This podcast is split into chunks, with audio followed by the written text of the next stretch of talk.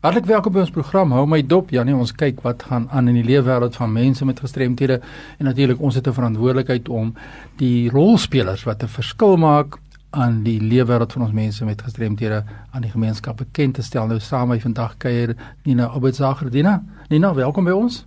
Thank you. Hi Fanny. Nina, jy kom van Camp Hill Village en dis in die Weskus. Yeah. Tell us more about what Camp Hill Village is all about. So, Camphill Village West Coast is a residential facility for adults living with intellectual disability. We are situated in between Atlantis and Malmesbury. Currently, we serve 95 residents, with our youngest resident being 19 years old and the oldest turning 90 this year.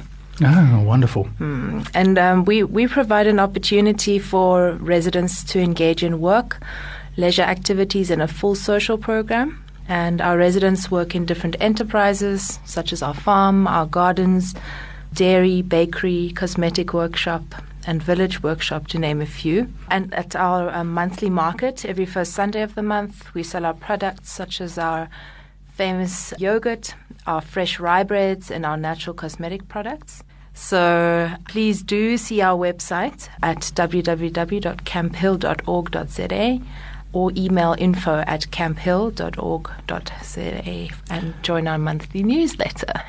ja, the newsletter is important. Nina, ja, ons paai natuurlik gekruis wat ons besig is met 'n projek daar, maar ek wil eers met jou gesels oor jou rol en jou pos. Jy's 'n arbeidsterapeut daar by Camphill. Vertel ons bietjie, wat is jou rol? Yes. So, first, as um, occupational therapist, I ensure that the with a team ensure the inclusion and participation of residents in all aspects of village life with a very strong focus on abilities and on their interests. We believe that with appropriate support structure, any resident can flourish and live a full life. And we set goals together with residents to assist in their development in areas of self care or work and leisure pursuits. Nina, ons het bietjie gesels geleentheid voorheen oor gehoorverlies en toe het ons saam besluit ons gaan yes. kyk wat kan ons doen om gehoorsifting daar in plek te plaas yeah. Ja. vir mense met 'n intellektuele gestremdheid. Yes. Dis nou julle het julle fokusarea. Yeah. Maar vertel ons waarom gehoorstatus so belangrik is vir mense met intellektuele gestremdheid of diegene wat dan saam met hulle lewe en werk. Yeah. So, funny hearing screening, as you know, is important for everyone, but for persons with intellectual disability, it's so important because they're more likely to experience hearing loss than the general population, and they are also affected by hearing loss at a younger age than the general population. So, people with intellectual disabilities are also less likely to complain about their hearing loss, and so it often goes undetected. Hearing loss has an effect on our physical, our cognitive, and social and vocational well being. And it's also been linked to depression, cognitive decline, if it goes untreated. Awareness of a hearing status and receiving treatment improves quality of life, social functioning, and communication, and more so for persons with intellectual disabilities.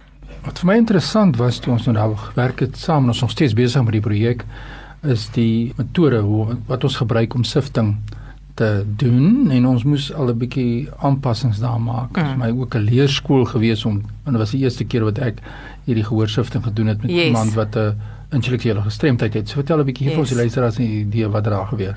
So that was a quite an experience we had and um yes, we had to ensure that the outcome of the screenings is as accurate as possible so that we can refer on And the screening procedure, we had to be accommodative to the, the, persons with intellectual disabilities or our residents.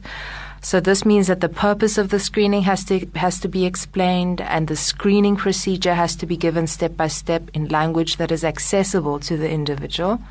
And the person doing the screening has to check with the individual that the st- instructions have been understood before the screening begins. Baie interessant ja, jy weet nou net by ons aangesluit het. Ons program staan dan weer amper einde se kant toe. Mm. Ek wil net gou hoor by jou Nina. Jy het uh, daar by Camp Hill nou, ons het gesê ons doen hoorsifting daar saam. Wat is in praktyk so belangrik dan dat jy moet weet van 'n inwoner wat daar woon? Mm -hmm. Dat sy gehoorstatus op sekere vlak is. Wat is die praktiese implikasies vir jou as 'n terapeut of iemand wat daar saamwerk? So, if someone has hearing loss, it's very likely that that person will be excluded in areas of their life where it's the, their home or their, their work life or their relationships. If, if people don't understand how to communicate appropriately um, so the person can hear, there's major health implications for that individual, and that's why it's so important. Ons kyk na Campbell Village daar in die Weskus en ons kyk na die werksamehede wat daar aangaan en ook hierdie gehoor siftingsprogramme wat ons daar doen en die algemene werksamehede by die Campbell Village asseblief gaan besoek. Die plek is pragtig daar. Ek woon hulle markte by. Ek regtig waar kan dit aanbeveel. 'n Laaste boodskap van jou. Jy het nou toetse gedoen. Jy weet nou die gehoorstatus van van die mense, wat s'ie pad vorentoe? Mm. So the challenge now is to seek full testing by an audiologist to determine residents' specific hearing needs and then to assist residents in seeking treatment for their hearing hearing loss. Nou ja, hierdie gesprek val so wonderlik binne in die raamwerk van 3 Maart jaarliks is dit die Wêreldgehoordag. 27 April is dit jaarliks die internasionale en ek gaan in Engels sê noise awareness Day International, so die bewustheid van geraas.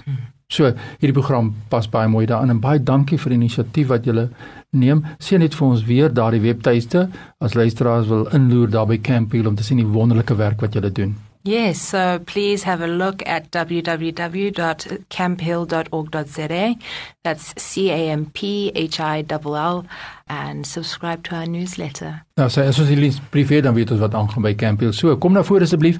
Ons hou dop wat die organisasies doen wat 'n groot verskil maak in die lewe wêreld van ons mense met gestremthede, in hierdie geval mense met intellektuele gestremdheid wat woon en werk saamhede daar by die Camphill Village aan die Weskus.